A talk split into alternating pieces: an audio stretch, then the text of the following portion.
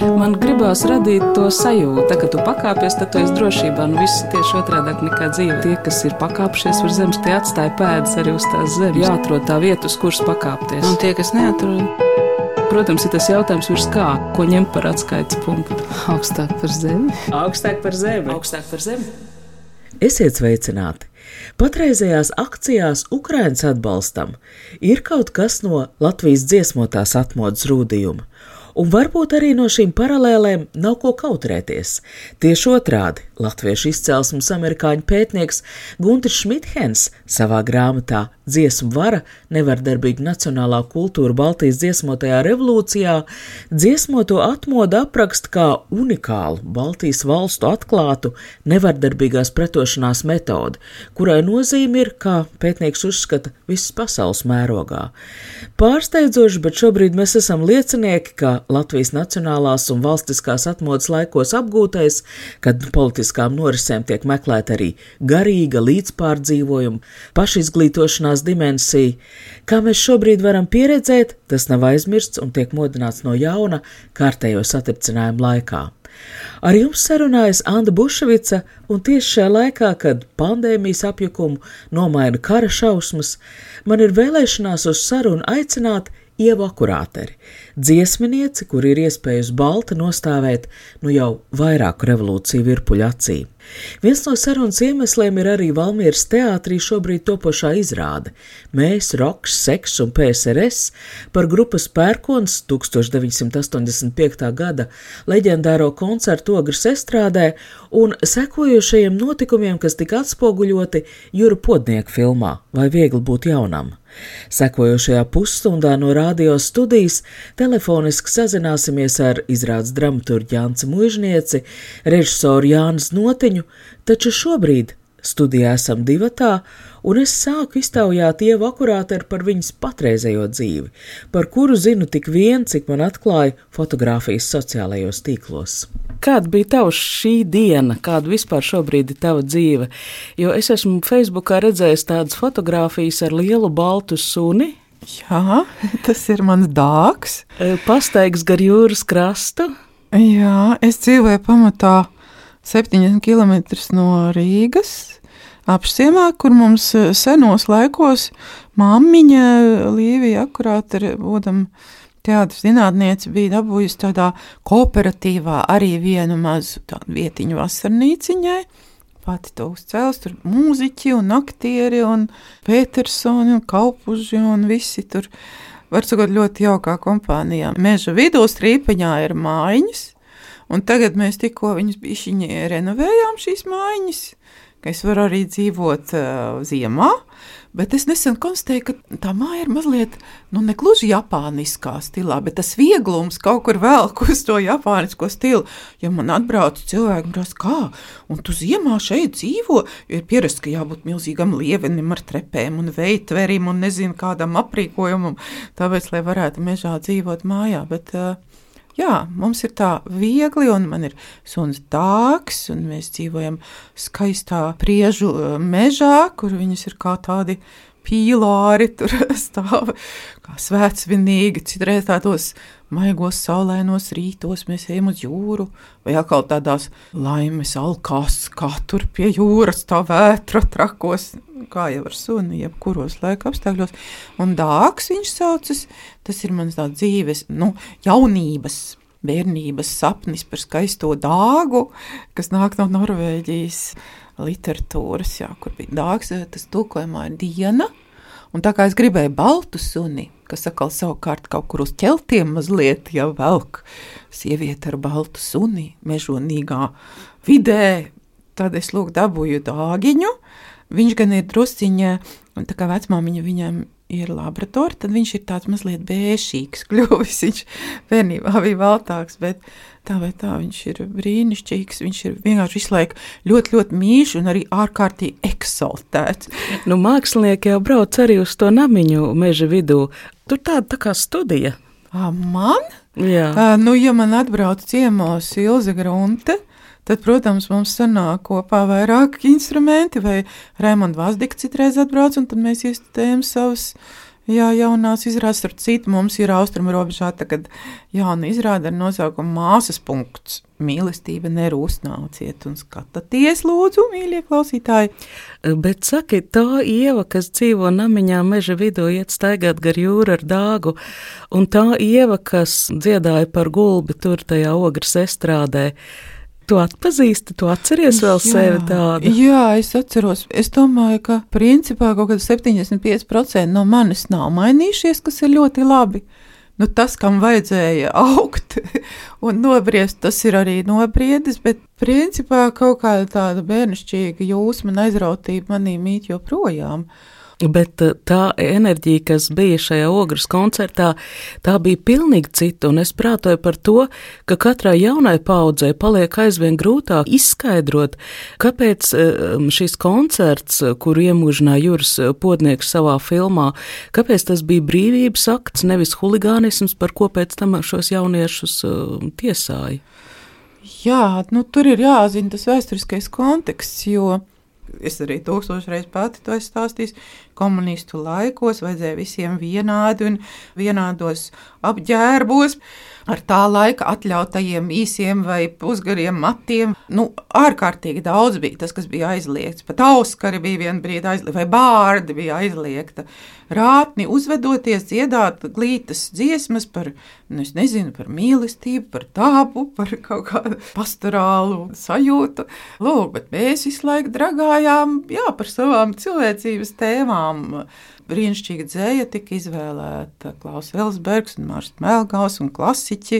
Tajos laikos jau mēs visi sapratām, kas aiz šiem daudz slēņainajiem tekstiem ir, ka tur ir galvenais atbrīvoties no meliem, atbrīvoties no sevis pašas sagūstīšanas, izsisties ārā no komunistu režīma. Nu, tālāk mēs bijām tādi, jā, tādi personiskās brīvības saucēji pirmām kārtām, un līdz ar to arī nu, globāli, politiski brīvības saucēji. Un tas, ka tas koncerts, nu, tā atmosfēra jau bija uzbriedusi. Un, ja iedomājas, ka to lielo brīvdabas estrādi ir ieskāvusi padomju miliču ķēde, ja, kura tagad stāvēs un sargās, lai tikai tur nu, nekas tāds nenotiek, nu, tad tieši tas jau izaicina. Ja. Un es atceros, jau, kā šodien Rēmons Bartšēvits eh, sāk ar trim dziesmām rokenroliem, un tad es izgāju un dziedāju Jura Kulako rokenrolu ar Māru Čaklādzēju sastrēgumu stundu esi gatavs savai stundai, sastrēguma stundai, kas tūlīt iestāsies.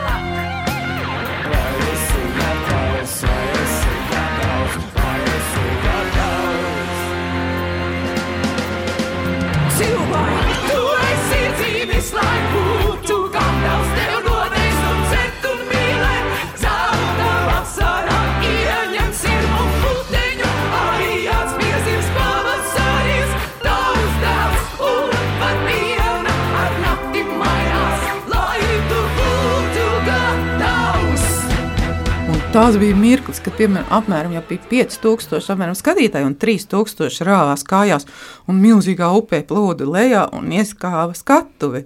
Un tad viss pārējais jau notika tādā laimē, un tie milīči pašķīdi, kur kurais. Nu, viņi nevar taču 3000 pretī stāvēt. Pēc tam par to pārējo runājot, par to vilcienu. Cilvēki esat tur bļāvuši to mūsu gulbju dziesmu, ka jāsit vēl par sarkano gulbi vai ne, kas, protams, ir sarkanie un komunisti un tā, bet, nu, īstenībā es to filmu un visu to drāmu es nevarēju skatīties desmit gadus Bija tā, ka uh, Juris Podnieks, kurš pie tam bija mūsu ģimenes draugs, mums ir mamīti, tā, viņš esot atgriezies vienkārši no Latgales filmēšanas un sajūtis, ka tur kaut kas notiks tādā ogrē, un pa ceļam teica, ai, iebraucam, pafilmējam. Paldies!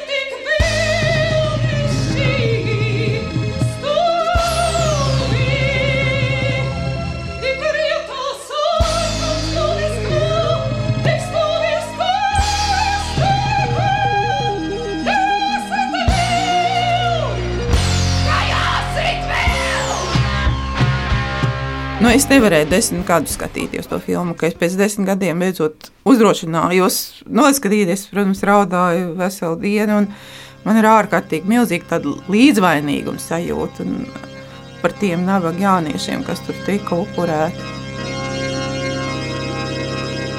Režisoru Jānis Notiņu, dramaturgu Jānis Mūžnieci sasvanām Valmieras teātrī pārtraukumā starp mēģinājumiem. Izrādes Mēs, Roks, Seks un PSRS pirmizrāde plānota jau 15. martā. Izrādes anotācijā nedaudz tiek atklāts sižets.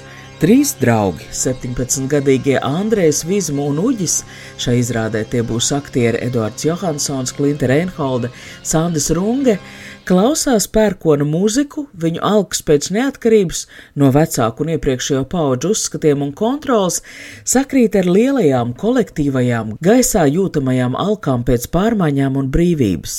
Tas pats tās arī tā ideja bija, jo es esmu režisors, kas strādā ar bērniem pusauģiem, un šī brīža dažādu notikumu, nu, notikumu ietekmē es sāku saprast, ka ir jārunā, tāpēc, ka mums jau ir kā minimums divas, trīs paudzes ir piedzimuši, kas īsti nezin, kas ir padomju savienība. Jo tas, ko mēs gribējām pateikt, ka mums vajadzētu novērtēt šo valsti, šo neatkarīgo Latviju, kurā mēs šobrīd dzīvojam un par kuru cīnījās mūsu vecāki, brāļi, vecāki, nu, tā teikt, atmodas šie te dalībnieki. Un šis notikums un pērkona koncerts ir caurvīs notikums visā stāstā, jo viņi, mēs piedzīvojam arī šo te tiesu izrādes laikā, kur šie vienkārši speciāli izvēlētie jaunieši tiek tādā paraugu prāvā sodīti par uh, noziegumu, uh, lai iebiedētu citus.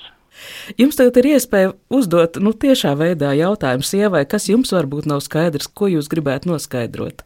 Es varbūt gribēju pateikt to, ko, ko es domāju par šo visu. Jā, paldies par to, ka mēs esam jūs iedvesmojuši.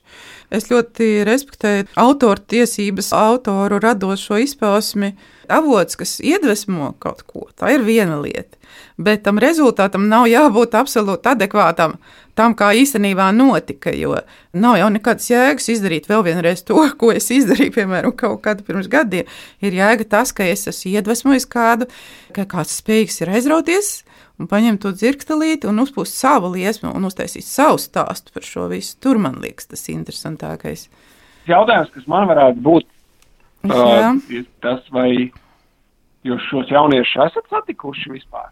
Uh, Kulakovs Juris ir ar viņiem vairāk jāsaticies. Ah. Jā, nu es esmu dažreiz tā koncertos vienkārši, ka man ir pienākuši klāt, un, un, bet tas ir bijis tāds īsts mirklis, bet tā, jā, ja jūs gribētu tuvāk zināt, tad vairāk ar Juri Kulakovu vajadzētu aprunāties. A, tā, man vēl jautājums arī par to pašu koncertu, jo YouTube ir audio ieraksts koncerta, un Juris sākumā saka, tādus ļoti atslēgas vārdus. Eh, reizē saprotams, ka tam visam jūsu koncertu turnējai kaut kādā ziņā jau veidojās, tā teikt, mākoņi sabiezēji, jo pirmais zinēja, ko viņš saka, ka ā, nav īsti saprotams, atcēla pirms divām nedēļām, nenotika koncerts, nav noticis, un tad viņš to, protams, saka to zīmīgo frāzi, ko droši vien viņam lika pateikt, lūgums koncerta laikā neatstāt sēdiet. Ah, jā, domāju, jā, vai jūs tāds. tā teikt, braucot uh, uz to koncertu, vai šis bija jums arī tāds, ka pēc tam jums uzreiz jau nogrieza to skābekli un pateica, viss tagad sēžat pie ratiem? Ah, pēc šī koncerta mēs jau paspējām otrā dienā nospēlēt saukrastos brīvdabas estrādē, bet tur nu bija tiešām vispār tā kā tādā filmā, es nezinu. Pirmkārt, tur bija sabraukuši jau autobusi ar armiju ar, ar, par, jā, par padomu armiju. Tad tur bija um, padomu aizsardzības ministrs kaut kādā melnā valgā ar tumšiem stikliem, un viņi tā tad bija klātesoši visu koncertu laikā. Mēs nedrīkstējām nekādus rokenrola spēlēt. Tad bija tā, ka Sālkrastu dzelzceļa stācijā tiklīdz atvērās teiksim, no Rīgas pienākušie vilcieni, tā savāca vienkārši milcīs mašīnās, ielika visus jauniešus, kas izskatījās nu, vienkārši tādi potenciāli, kas varētu nākt uz mūsu koncertu. Un kā Nauris Puntulis smējās, viņš saka, nu, mēs dziedājām, un mūsu vienīgi, kas nāca apsveikt no skatītājiem, bija mazas meitnītes ar zilām puķītēm. Nu, tātad visi jaunieši, visi tie nu, potenciālie brīvdomātāji, kas gribēja tur sajūsmināties, iedvesmoties, bija jau savākti un aizvest. Bet, nu, jā, mūsu menedžers teica, ka visu laiku ir bijis tā, būt vai nebūt, bet, nu, Jā, nu, dzīves veiki mēs palikām, bet nu, tas, ka mums absolūti jāaizliedz uz ilgu laiku, tas gan. Veiksim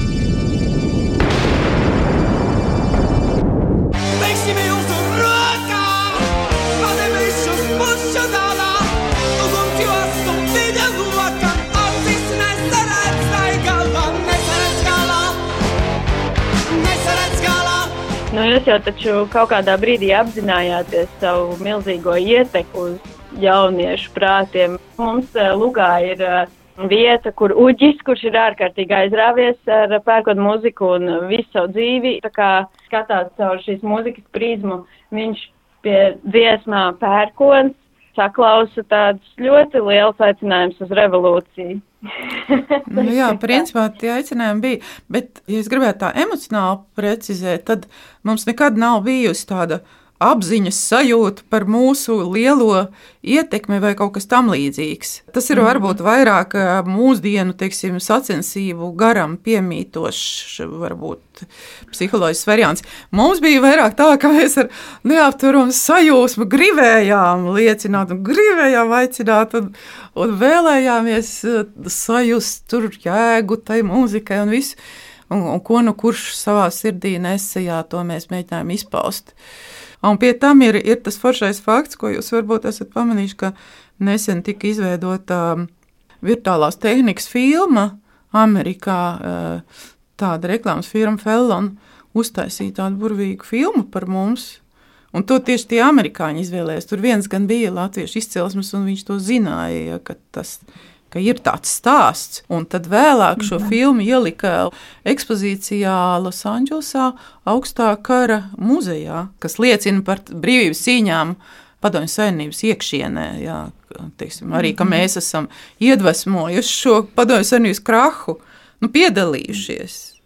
Nu, tā ir tā brīnišķīga sajūta, bet jā, vajadzētu saprast, ka mēs nekad neesam uzskatījuši kaut ko vai tur kaut kā, kaut kā pozicionējušies. Nu, vispār tas, tas nav raksturīgs īstam rokenrolam. Pērkons dārgi, pērkons dārgi, pērkons dārgi, tam atbalsts rodas tūkstoškārtām viņa graujas, pērkons dārgi. Filmas, ko Ieva akurāti ar minēja, nosaukums ir Dokumentārija Pērkons VR. Tā tapus 2018. gadā ASV, bet režisors Jānis Notiņš atgriežas pie sarunā iepriekš izskanējušā, pie vainas sajūtas par 1985. gada notikumiem. tieši šī iemesla dēļ, ka jūs darījāt to, kas jums patīk un pašus iedvesmo, un jūs bijāt laimīgi, ka kādam tas vēl patīk, un man liekas, tas ir arī tas, kāpēc jums nevajag justies vainīgi ā, Ah, par paldies, to, Mīš. kas notika ar tiem jauniešiem, jo, jo mēs jau kā mākslinieki, vai tā ir mūzika, vai tas ir teātris, mēs aicinām cilvēkus, nu, kaut kādu veidu pārdomām. Mēs jau nezinām, ko tas mūsu mākslas darbs var izdarīt. Paldies par šo sarunu, lai izdodas izrādīt. Lai izdodas vērtējiet tik vaļā, kā teikt Anšlaus Eglīts. Paldies par pērkonu! Jā, par, Paldies, paldies par mūziku. Tiksimies izrādē kādā.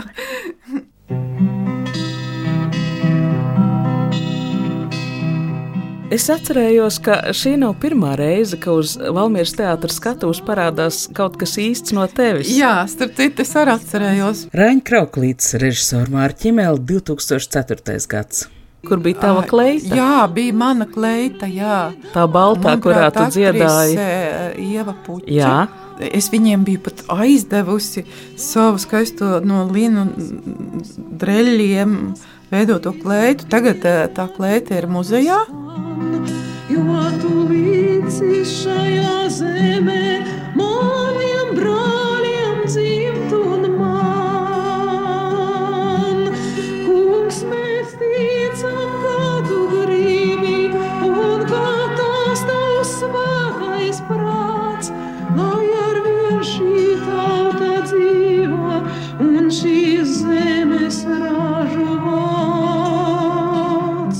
Bet Jānis Notiņš teica vienu būtisku lietu, ka tās lietas, par kurām mēs toreiz bijām gatavi dzīvību atdot, ka šobrīd mēs viņus reizēm nu, esam gatavi ļoti viegli aizdot projām. Nu, piemēram, noniecinot savu valsti. Šīs dziesmas, barikāžu laika dziesmas, tu dziedāji arī pie Gunāra Astras pieminekļa. Jā, un pie tam jāsaka, ka, kad es dziedāju, tad visi, kas bija visi, lai kā nu bija, kurš noskaņots, bet visi, kas tur bija, visi dziedāja līdzi. Dziesmai un lūkšanai ir liels spēks. Un, Vienkārši tas tā dziesma skan mīlestībai, un skan auglībai un žēlsirdībai. Un, paldies Dievam, tas tā joprojām ir. Tēma, kas diezgan negaidīti pavīd mūsu sarunā, kā vairāk kā 30 gadu laikā var izmainīties dziesmas konteksts, un arī dzēnieku uzrakstītajos vārdos klausītājs atrod gluži citu saturu. Ja tu visu brīdi biji Rīgas domas deputāte. Jā, biju. Un Jā. tajā laikā piedzima kas brīnišķīgs. Tas bija festivāls, advents laika festivāls dziesmnieku baznīcās. Ah, Un tu pat arī aktīvi koncertēji Jā, adventu jā, jā. laikā. Mhm, jā, līdz Un tas, kas man bezgalīgi pārsteidza, ka dziesmas, kuras es lieliski atceros, cik viņas baznīcā skan savādāk, viņas skan kā lūkšanas. Dziesmas par mīlestību, kas varbūt Mhm. ir rakstīta par to fizisko, par mīlestību pret konkrētu cilvēku, baznīcā nodziedāt, izskan citā kontekstā. Jā. Šis šķēps, lai ievaino tevi un sadeg maigumā, Jā, jā, viņas uzreiz iegūst nu, arī garīgu dimensiju, simbolisku dimensiju, visas šīs dziesmas. Un dziesma tas šķēps, tā ir arī rakstīta par Dievu. Vienkārši tādā nu, koncertā, laju koncertā, nu, sadzīviskā koncertā cilvēki mazāk varbūt to uztver. Bet, ja cilvēks ir atnācis uz baznīcu, viņš jau pats ir arī noskaņojies vairāk uz to garīgo dimensiju, tad viņš, protams, uztver visas dziesmas arī tā. Un vēl ir jauki tas, ka baznīcā dziedot, man nav jāsatracina. Uh, publika man viņa nav jānoved līdz katarsam, jo baznīcas noteikumi ir citi. Tā ir vairāk meditācija, nomierināšanās, savā saprāta atvēršana, ja? Gan gaismas ienākšana sirdī. Uzreiz viss tās dziesmas var dziedāt tādā liegākā veidā. Bet vai ir bijis tā, ka kāda dziesma, kas ir rakstīta ar pilnīgi citu nozīmi, laikam ritot tev pašai mainoties, ir iegūst citu nozīmi? Man ir gan tieši līdzīgs kā ar šo šķēpu. Es esmu ļoti daudz dziesmas rakstījis tieši dievam, bet ne tādā slavēšanas veidā, kad tiek nosaukts vārdā. Viss un atkārtots vairākas reizes, bet vairāk caur poetiskiem tēliem. Nu, ir tā bijis, ka es dziedu un dziedu un dziedu, un tad cilvēki pēkšņi, oh, jā, Mieras te augstākā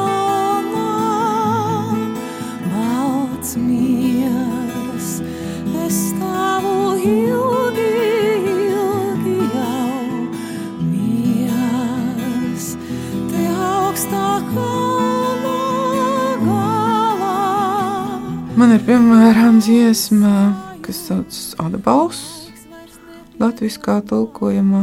No sākuma es viņu angļuiski uzrakstīju On the White Hill. Un tad, kad man izdevās aizbraukt uz Jeruzalemi un piedzīvot apgaismību tur, tad es atgriežoties mājās, atradu arī latviešu vārdus tai dziesmai. Un es domāju, ka cilvēki vienmēr tādā laimīgā gaismas telpā paceļas, kad es dziedu to dziesmu. Kas bija tik īpašs Jeruzalemē? Jā, to zina visi, kas ir devušies svētceļojumos. Lai cik tas arī dīvaini nebūtu, ka mēs tāpat tās domājam, katrs savā neticības veidā par arī dievišķiem principiem un, un lūdzamies katrs sev tuvākā, pieejamākā veidā, bet kad mēs dodamies svētceļojumos, tad pēkšņi var sajust, ka kāds īpašs dievišķs spēks nāk pretī un apņem tev visu un pat līdz tādām izjūtām, par kurām pat kautrība ir tā plašāk stāstīt.